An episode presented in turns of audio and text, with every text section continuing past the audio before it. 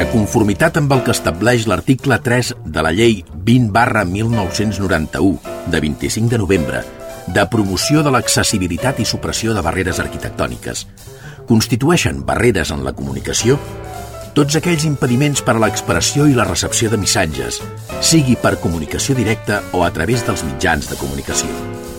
És per això que, emparant-nos en aquesta llei, volem que cada ciutadà gaudeixi del seu propi espai per moure's, un espai sense censura. Un espai en què vosaltres sigueu els protagonistes. En definitiva, un espai per tothom. Benvinguts a Espai Vital.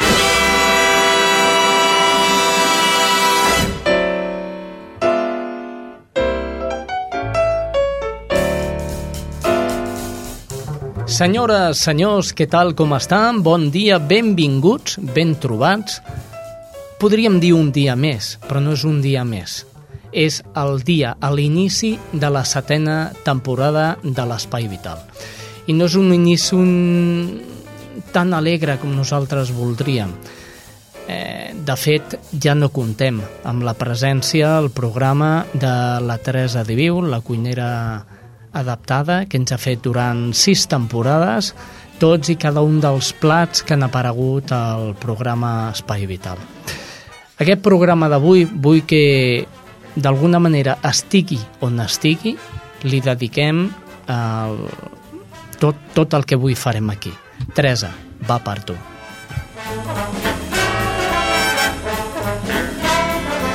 Saludem a la Maria López, Hola, bon Hola, dia. bon dia, com estàs? Molt bé. Benvinguda, ben trobada. Gràcies. Ja, ja feia dies que no ens veiem clar, hi han hagut vacances. Saludem també a l'Alfredo Ángel Cano, Toledo de Todos los Santos i... etc, etc, etc.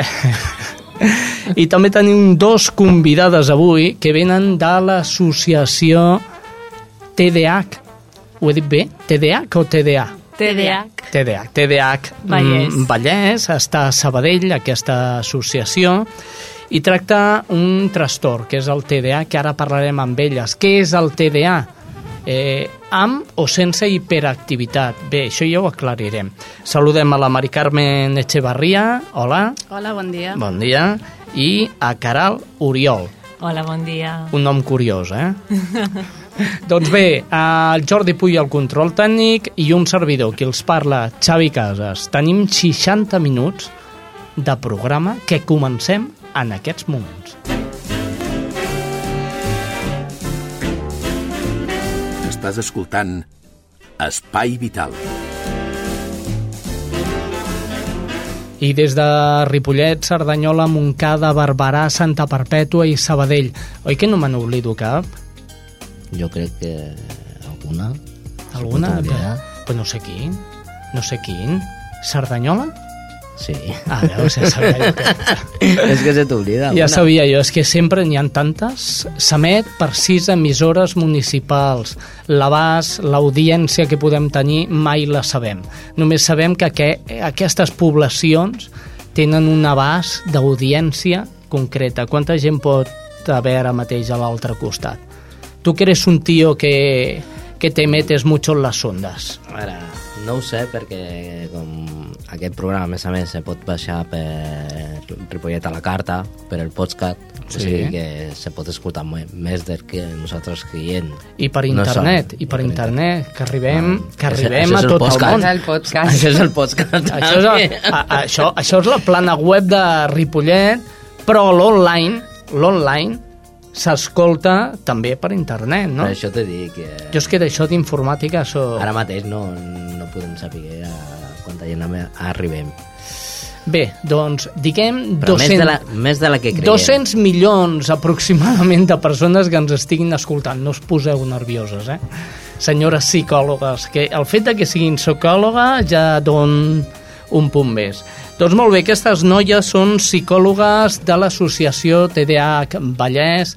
Volem parlar del TDAH i per començar us preguntaria què és. Bueno, el TDAH és un trastorn d'origen neurobiològic on, diguéssim, la principal afectació són les funcions executives que tenim al nostre cervell i específicament al lòbul frontal. I tu i ara direu, i què són les funcions executives, no? De fet, anava a dir que em diguessis planerament què és el TDAH. jo ara mateix acabo de començar i amb tantes paraules així ja no... Clar. Doncs diguéssim que bueno, el nostre cervell doncs, tenim uns neurotransmissors, vale? que bueno, això són unes substàncies que surten de les nostres neurones mm -hmm. i en el cas dels nens amb TDAH doncs, bueno, estan mal regulades. I això què els hi provoca? Doncs el dèficit d'atenció, els hi provoca que no puguin concentrar-se, que no puguin planificar-se, que no puguin controlar els seus impulsos, el tema de, de la hiperactivitat, necessiten estar en constant moviment. Mm -hmm. I bueno, no sé si Carme vol afegir alguna cosa més. Home, el fet, perdó, el fet de que, de que eh, parleu d'hiperactivitat uh -huh. no, no és un símptoma eh, bàsic d'aquesta malaltia. Pots tenir o no hiperactivitat, no? Uh, efectivament. Hi ha tres tipus de, de TDAH, per dir-ho d'alguna manera, no? que és el TDAH amb predomini desatent, només tenen dèficit d'atenció. Sí. N'hi ha el predomini hiperactiu impulsiu, mm. i n'hi ha el predomini combinat, on tindrien dèficit d'atenció i hiperactivitat. Com m'adono jo que un nano té TDAH? Pues, uh, normalment uh, les, la, els primers símptomes és que a vegades li parles i sembla que no t'escolti, acostuma a perdre moltes coses, en altres casos sembla que t'estigui prenent el pèl, li dius una cosa, gira, en fa una altra, en el cas dels hiperactius no es poden estar quiet, és molt evident. Evidentment un nen petit s'ha de moure, si no es mou anem malament, però és quan aquest, aquest moviment excedeix de la normalitat. És una cosa que li dius, estigue't quiet i no, el nen no pot parar estar quiet. O sigui, esperarà un segon, però automàticament continuarà movent-se perquè ell no pot controlar aquest moviment, escapa a la seva voluntat. I a quina edat, perdona, Carme, eh, vosaltres penseu que és una edat on ja podeu preguntar-vos mm, igual el meu fill o la meva filla pot tenir algun tipus de... És que això depèn de cada cas, perquè és, és un trastorn evolutiu que evoluciona amb el nen i, i depèn de les característiques de l'entorn, amb, amb el, les familiars com ho veuen, a la tolerància de les persones que tenen al voltant, podran considerar, en el cas d'una hiperactivitat, que és un moviment fora de lo normal o no ho és és difícil. Quan són, és molt sever, quan els símptomes són molt pronunciats, de seguida de petitons ja amb 3 o 4 anys ja es veu que el nen és, és més mogut del compte. Però si no té aquesta hiperactivitat, que és un nen distret, llavors és més difícil de detectar. És de les malalties eh, que es tracten com a cròniques o, o més que malaltia és un trastorn, no? És un trastorn, però vull dir que... S'han de tractar és... com a crònics o, o Teòricament no? és crònic uh, perquè tu neixes en TDAH i et mores en TDAH. Mm. El que passa és que els símptomes van evolucionant al llarg del temps. Vale? Imaginem un nen petit, uh, quan és petit, el que predomina més és la hiperactivitat, és el que més es veu. A mesura que es va fent gran, arriba a l'adolescència, ja no es mou tant, però el que predomina és la impulsivitat i quan ja arriba l'edat adulta, el que ja queda residualment és més el dèficit d'atenció. I a vegades, doncs, a mesura que tu has anat, mm, diguéssim, desenvolupant recursos al llarg de, to de tota la teva vida, si has tingut un, un suport, a l'edat adulta normalment ja no necessiten potser millor ni tractament farmacològic, sinó que ja amb els seus recursos personals ja poden anar tirant endavant, però sempre tindran aquest despiste no? I, i aquesta impulsivitat que a vegades pues, bueno, li pot portar problemes al seu entorn laboral i familiar i social. El Freddy pot tenir hiperactivitat o...? Jo crec que no, està ara mateix tan, tan no? tranquil. No, no, no. El veig, el veig tan tranquil, però tu, tu captes, no? És a dir, tu... De vegades. De... Molt bé, senyors. Eh, estem a Espai Vital, ja portem una estoneta, estem parlant amb l'associació TDAH eh, Vallès, TDAH o no H, és hiperactivitat o sense hiperactivitat. Eh, I m'agradaria eh, que la Maria López ens fes un recull d'aquestes notícies que el bloc d'Espai Vital eh, recull. Recordeu, el bloc d'Espai Vital, les 3 W, ràdio, guió alt... No, t'has equivocat, no són 3 W. Ja hi som. És Eso. http barra bar, dos punts, barra barra, ràdio, guió, espai, guió, vital, punt, blogspot.com. Bueno, pues això, el bloc aquest, eh, és lo que he dicho. Maria, quines notícies recull el bloc? Bé, eh, al blog tenim tres notícies y destaquem la de la esclerosis múltiple. Al CSIC aporta nuevos datos sobre las causas de la esclerosis múltiple. Una investigación en la que ha participado el Consejo Superior de Investigaciones Científicas, CSIC, aporta nuevos datos sobre el proceso de formación de la vaina de mielina, un aislante fundamental para que la transmisión del impulso nervioso a través de las neuronas se produzca de forma correcta. Según explicó el CSIC, la mielinización, que es como se denomina este proceso, es un mecanismo llevado a cabo en el sistema nervioso. Se cree que varias patologías, incluida la esclerosis múltiple, tienen relación con ella. Los responsables de la formación de las vainas de mielina son los oligodendrocitos, qué palabra más complicada, células que se enrollan alrededor de los axones, las prolongaciones de las neuronas. La mielina recubre los axones formando una capa como el aislante del hilo conductor de un cable. Sin ella, la velocidad de transmisión sería demasiado lenta para que las funciones nerviosas se desarrollasen adecuadamente. Los científicos han observado que la proteína proteolipídica, la más abun- abundante de la mielina, se mueve dentro de los oligodendrocitos. Esto me lo ha hecho para jorobarme un poquito esta mañana, ¿eh? Hombre. Siguiendo una ruta determinada desde el retículo endoplásmico, donde se forma la membrana apical.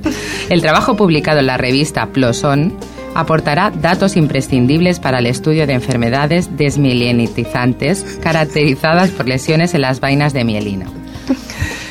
Pues ahí queda eso. Ahí A ver, queda eso. Has Que... trobat una nova cercadora, no? Ja, com, com, tu, com tu vens i no vens quan vols, tu eres el primer mm, periodista que viene a la ràdio quan quiere. No, era una miqueta, una, una petita broma a, a la Maria, al López. No, però la notícia és interessant, perquè Molt- podem, molt, podem molt. veure que hi ha moltíssimes enfermetats que van molt relacionades, eh, crec que al fil de lo que ha explicat la Caral, amb tot el tema del sistema nerviós i del funcionament, del recobriment i de com el sistema nerviós, els impulsos funcionen més ràpid, menys ràpid, millor i crec que, si no m'equivoco, l'Alzheimer també està molt vinculat amb això, que es va traient la mielina, o sigui que hem de tenir molt de cura del nostre cap, la veritat. Desmielinització. Els de, nanos amb TDA, això no, no. no en tenen, no? No, la, la part cerebral, per dir-ho o neuronal, és, la, és a base de neurotransmissors. El circuit dopaminèrgic és el que sembla ser que de moment sabem que està més afectat. La dopamina. La dopamina. Dopamina, que és, eh, de fet, una malaltia on, on hi ha carència de, de dopamina, és en el cas del Parkinson. Mm? Els malalts de Parkinson s'han d'injectar mm, doncs una, una substància, que és la dopamina, per poder mm, normalitzar la vida d'aquests malalts. Doncs molt bé, eh, de quina manera ens podem en contacte amb vosaltres, amb l'associació TDAH Vallès? Bueno, ho podeu fer a través de la nostra pàgina web, Sí. que és www, ara sí, Web, web, web. web, web, web, tdahvallès, tot junt, punt org.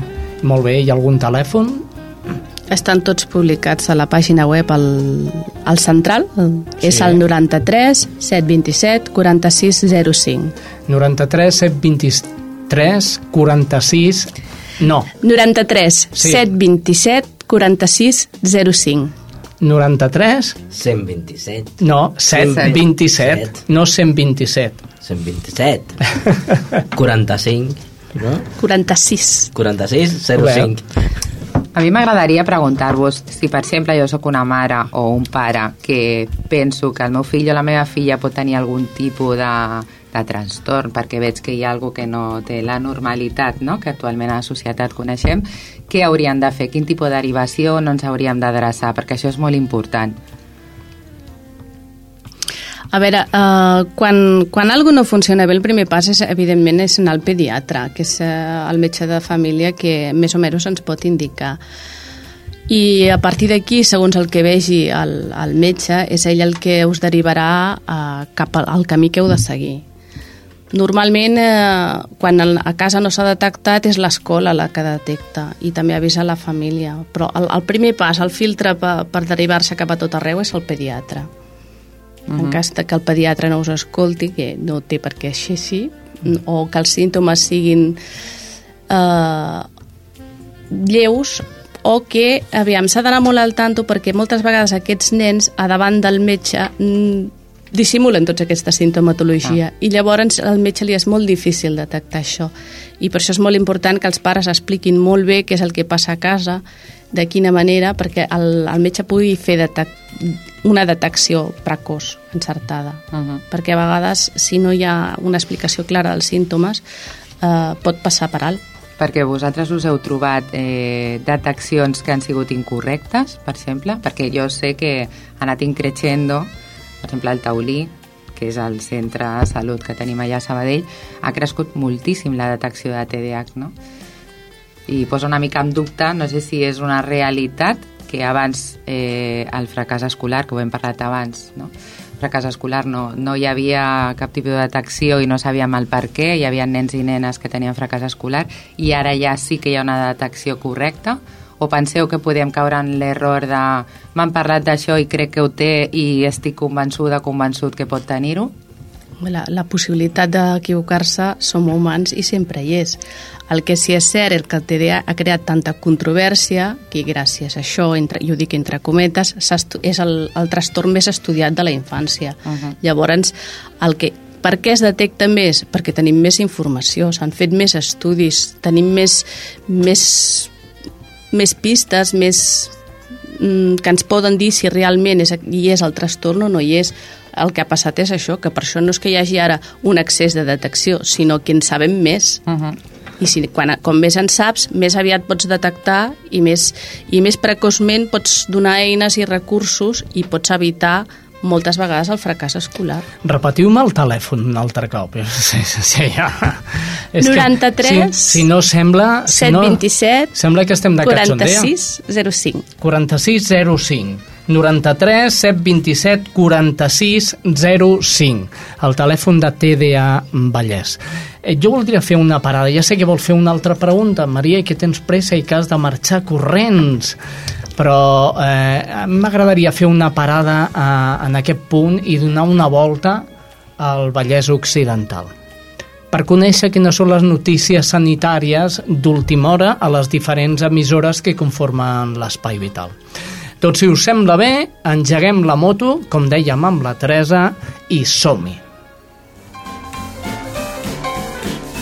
Això és Espai Vital. I la roda informativa la comencem a Cerdanyola. Allà es troba la Rosa Morante. Ella ens informa. Hola Xavi, avui des de Cerdanyola Ràdio us expliquem que l'equip d'advocats del col·lectiu Ronda organitzava a l'Ateneu de Cerdanyola una xerrada al voltant de l'amiant i el risc per a la salut que representa la seva exposició accidental, així com les possibilitats legals d'exigir responsabilitats i compensacions justes pel mal sofert. A la xerrada hi participava el biòleg i tècnic de diagnòstic d'amiant en edificis, Joan de Montserrat, el metge de família i neumòleg expert en patologies vinculades a l'amiant, Josep Tarrés, i l'advocada i membre del col·lectiu Ronda, Esther Costa. Joan de Montserrat es plantejava per què si l'any 1965 es sabia que l'amiant era un producte altament cancerigen, no és fins a l'any 2002 quan es prohibeix. Segons explicava, el lobby industrial en tenia molt a veure. Per a Montserrat, malgrat la seva prohibició total a Espanya al desembre de 2001, el problema continua present en primer lloc per considerar la legislació vigent insuficient i, en segon lloc, perquè aquest material encara es troba instal·lat als edificis i, el que és més greu, sense saber amb certesa la seva ubicació, la qual cosa fa que aquest problema sanitari esdevingui encara més greu.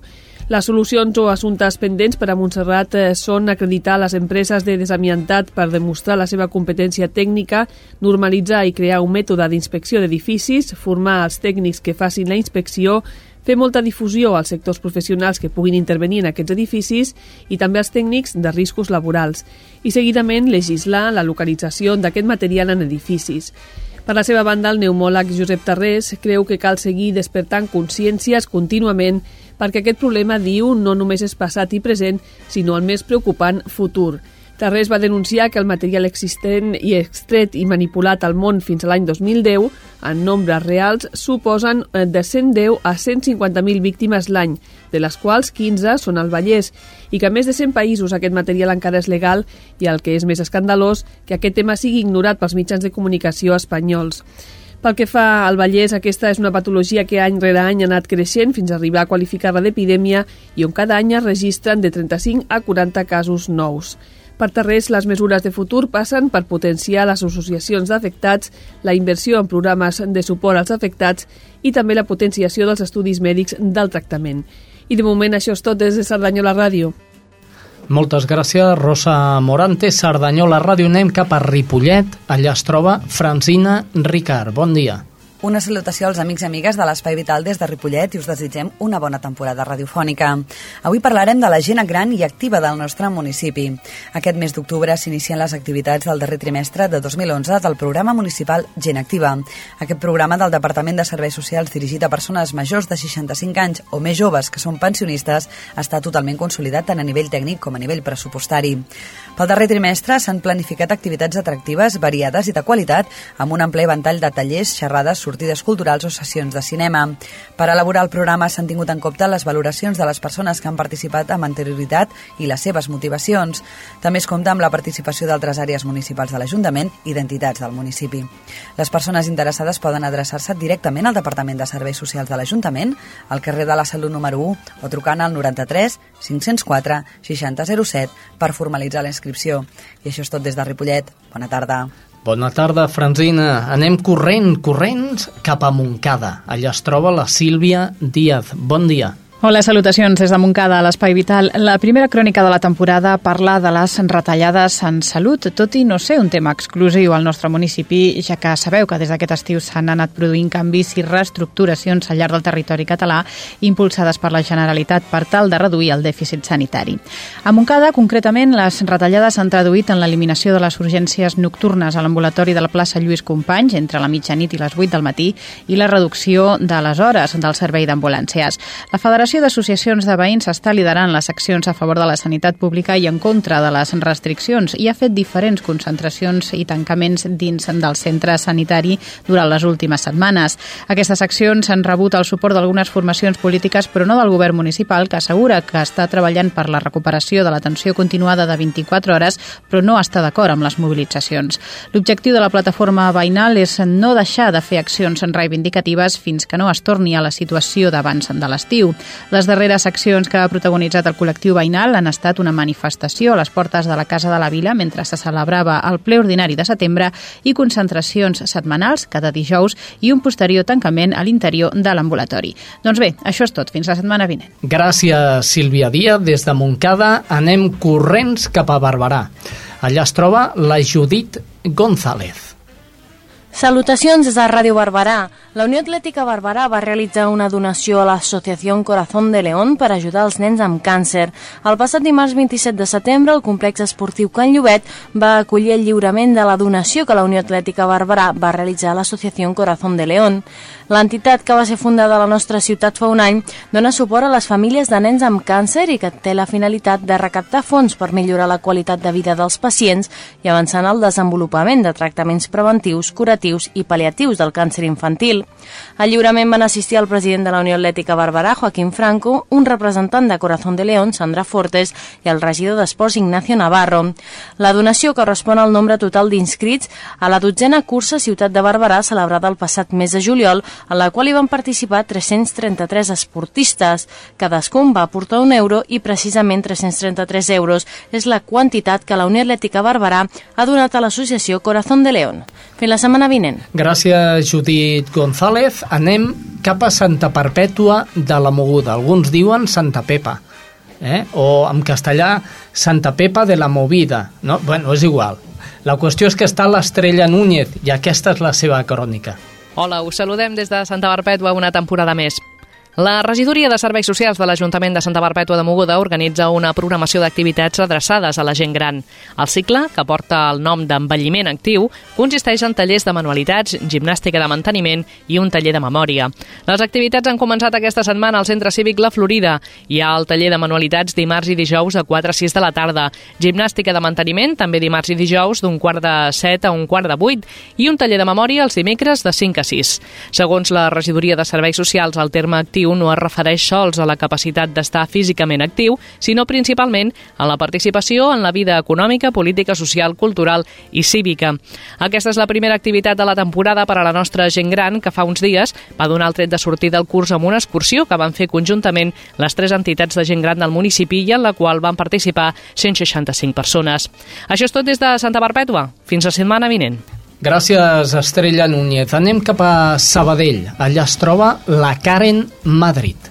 Salutacions des de Sabadell. La Creu Roja ha engegat a la ciutat la segona edició del projecte Sara, pensat per integrar dones nouvingudes a la societat i ajudar-les a trobar un lloc de treball.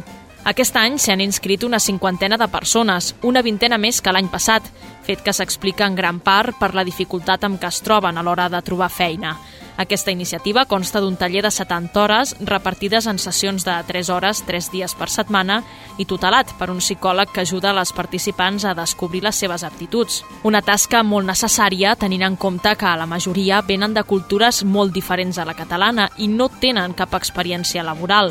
Com a novetat, aquest any també es farà un seguiment de la situació d'aquestes dones un cop acabat el taller per veure si millora tant a nivell professional com personal. És tot des de Sabadell. I seguim aquí amb les convidades especials de TDA eh, Vallès. No, ho he dit bé?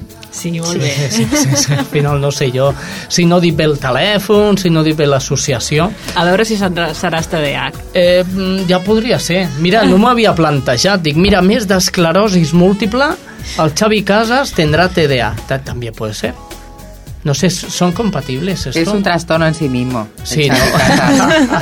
todo, todo es posible en este mundo. Doncs seguim aquí amb eh, els estudis de Ripollet Ràdio, que és on es grava el programa Espai Vital, amb la companyia de Maria Carmen Echevarria i Queral Oriol, que Queral és un nom. Eh? Us torno a dir, Queral Oriol. Molt bé, Maria, què volies preguntar-los? Jo, per últim, i amb aquesta ona de normalitat que estem portant des del principi de les preguntes, eh, us voldria qüestionar, bé, ja hem detectat i ara com podem portar una vida normal amb el nostre fill o la nostra filla? Quins passos hem de seguir? Com, eh, eh, com, com podem donar-li una vida el més natural possible? No? Perquè jo crec que hi ha gent que s'espanta moltíssim quan li diuen no, el teu fill o la teva filla té això i bueno, crec que parlant amb vosaltres abans eh, m'heu dit que això es pot portar amb una normalitat absoluta, em sembla. A veure, eh, aquí segur que hi ha molts pares que estaran pensant això perquè tu no vius amb ell les 24 hores del dia. Eh. És cert que viure amb, amb el TDAH és, és cansat i esgotador, però també és divertit o sigui, eh, una qualitat que tenen molt bona és que viuen la vida al moment i llavors eh, la vida pues, es viu molt intensament. Uh -huh. O sigui, té molts, molts punts emocionals forts, bons i dolents, però jo sempre els dic als pares, quan teniu una reunió d'amics, qui és el que té més coses per explicar? Diu, nosaltres, evidentment. I us rieu un bon rato, no? Doncs eh, en el moment que passen totes les peripècies que puguin passar de, derivades del trastorn és una mica feixuc, però... Eh, tu has d'aprendre amb humor. Amb humor, en sentit de l'humor. I de manera sempre una visió positiva de les coses. I poden portar una vida normal, poden fer els seus estudis, treballar, tenir parella... O sigui, jo et pregunto, i jo coneixo una mica el, el trastorn, però hi haurà molta gent que dirà i, i amb què els afecta la seva vida, no?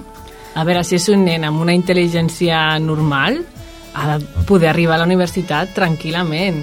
El que sí que potser necessita un recolzament pues, a nivell d'una persona que li ensenyi estratègies a l'hora d'estudiar, a l'hora de concentrar-se, a l'hora de prestar atenció, de planificar-se, i després a l'escola és molt important també que, que entenguin el trastorn i, i, bueno, i li donin les ajudes necessàries perquè el nen tiri endavant. Uh -huh. I també és molt important que els pares entenguin molt bé què és el trastorn, perquè si tothom treballa a la una amb els mateixos objectius, és la manera que el nen té de tirar endavant.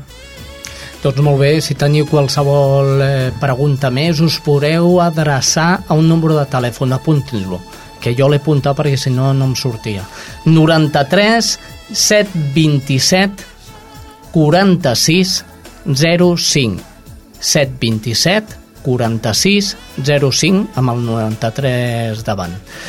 Mari Carmen Echevarria, Caral Oriol, gràcies per haver estat avui aquí a l'Espai Vital. A vosaltres. I us animem a seguir tota la força i l'alegria que porteu al cos. Esperem una altra visita vostra, algun dia. Quan vosaltres vulgueu. Eh? Moltes gràcies.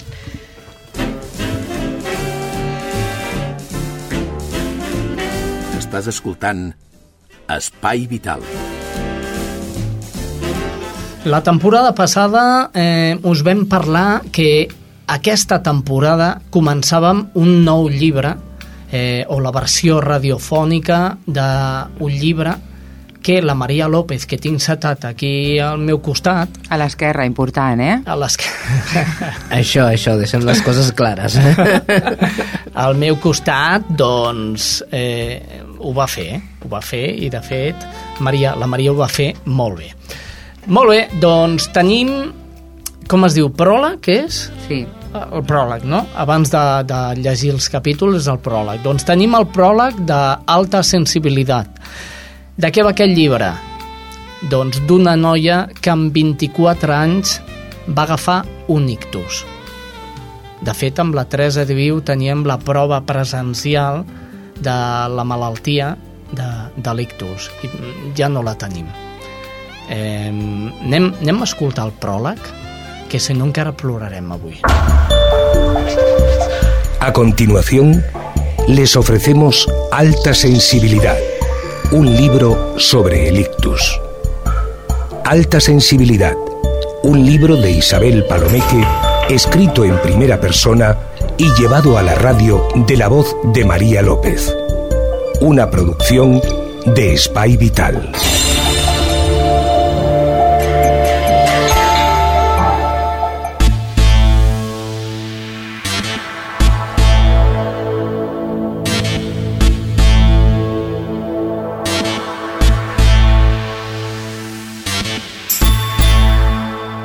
La noche del 28 de febrero de 2004, yo era una chica de poco más de 20 años.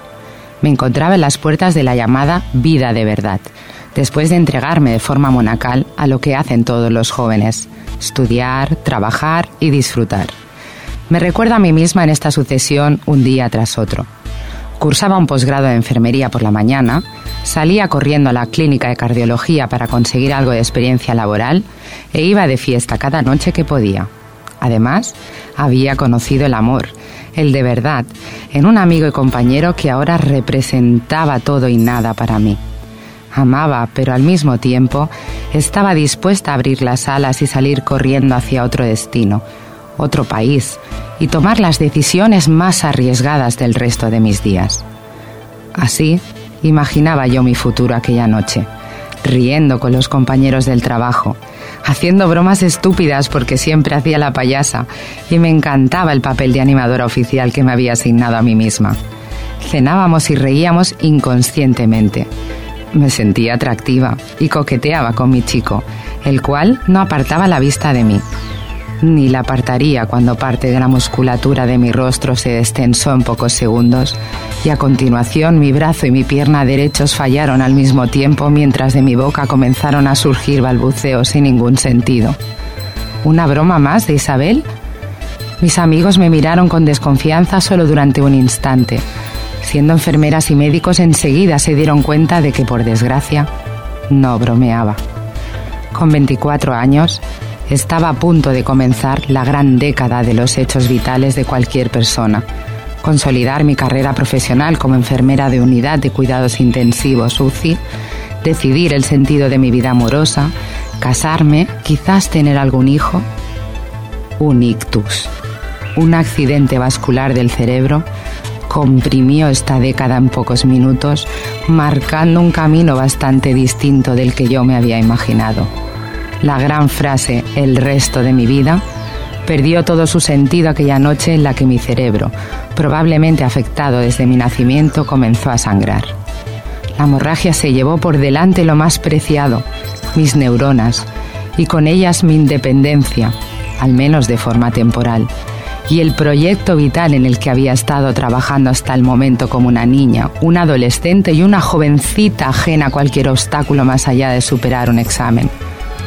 Sobreviví al ataque, al coma, a las infecciones y al aislamiento que fueron los auténticos protagonistas de mi vida en los meses siguientes. Isabel había quedado atrás, tal como yo la había reconocido hasta entonces el rostro que se miraba en el espejo y se reconocía con satisfacción, había muerto. Y en su lugar aparecía otra persona, dolorida, deforme, inválida y sobre todo envejecida. Ahora me llamaba Levasi, mi nombre al revés, porque me sentía como si alguien me hubiera puesto al otro lado del espejo, invertida y en una dimensión absolutamente tergiversada de la realidad había crecido de golpe, pasando por mi muerte y mi resurrección. Y lo que tenía por delante solo dependía de mí y de la lucha que estuviera dispuesta a plantar desde aquel momento. Desde el momento en el que pude abrir los ojos y mi mundo ya no era tan sencillo como el de una niña. Y hasta aquí, Alta Sensibilidad, un libro sobre el ictus. Alta Sensibilidad un libro de Isabel Palomeque, escrito en primera persona y llevado a la radio de la voz de María López. Una producción de Spy Vital. Alta Sensibilidad, un libro de plataforma editorial.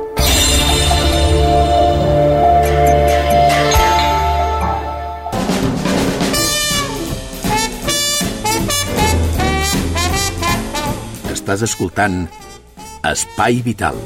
I heu acabat d'escoltar el pròleg del llibre Alta Sensibilitat, la seva autora Isabel Palomeque, eh, que va patir un ictus amb 24 anys. Molt bé, heu sentit el pròleg, eh, ens queden els capítols que anirem desenvolupant al llarg d'aquesta temporada. Nosaltres ho deixem aquí. Maria López, Alfredo Ángel Cano, Xavi Casas i els companys de TDA Vallès, gràcies a tots i a vostès per la seva atenció. Marxem, però ho fem amb la recepta que ens portava la Teresa Diviu un 15 de juny quan ens va donar la coca de Sant Joan. Aquesta és l última participació de la Teresa Diviu en vida de l'Espai Vital i així la volem recordar. Descansi en pau. Fins la setmana vinent. Estàs escoltant Espai Vital. Mmm, quina gana que tenim, senyor. Sintonia cuina. Ai, que ens portarà avui la Teresa. Eh, vas prometre que ens portaries un... La, una coca, però no he tingut temps de fer-la, doncs porto la recepta. Me cagin d'ella. Pues si jo l'estava olorant ja, Teresa. No. Estava esperant a veure si em feies un tast. Mira, ahir em vaig fer, vam, vam fer, no la vaig fer, la vam fer. Sí, La vaig portar a un puesto. i se la van menjar. Pues clar, Ah, en la I no llei. l'has guardat. no vaig tinguer de marxar a córrer cuita perquè jo no puc estar més d'una hora al puesto, Ah, perquè és una cosa urgent. I vaig tinguer de marxar, doncs esclar, ja no la vaig poder provar, no vaig poder provar les coses dels altres puestos, però mira, vaig deixar allà que la provessin. Ara si la gent l'ha provada, ja m'ho diran. molt bé. Eh, saps que a la Teresa li van donar un diploma, Maria? No, no ho sabia. No ho sabies? Doncs pues ara ja ho saps. La Teresa és voluntària per la llengua. Uh -huh. eh? Al Centre de Normalització Lingüística d'aquí de Ripollet li van donar un diploma a la mejor maestra. I ara em donaran un llibre També? de totes les receptes que van portar la gent. Ah Hi havia un tastet de cada gent que va portar. hmm. Hi havia també aquella senyora que coneixes tu, la Carme Guas, Sí. també va portar una cosa, doncs també tot està en aquell llibre de les receptes de la gent que vam portar coses. Però aquestes coses, Teresa, ens has de convidar, que nosaltres Sí, som oi de bon sí? menjar, clar. Bé, senyors, va, agafa Maria paper i boli i, i a vostès que ens escolten, facin el mateix, home.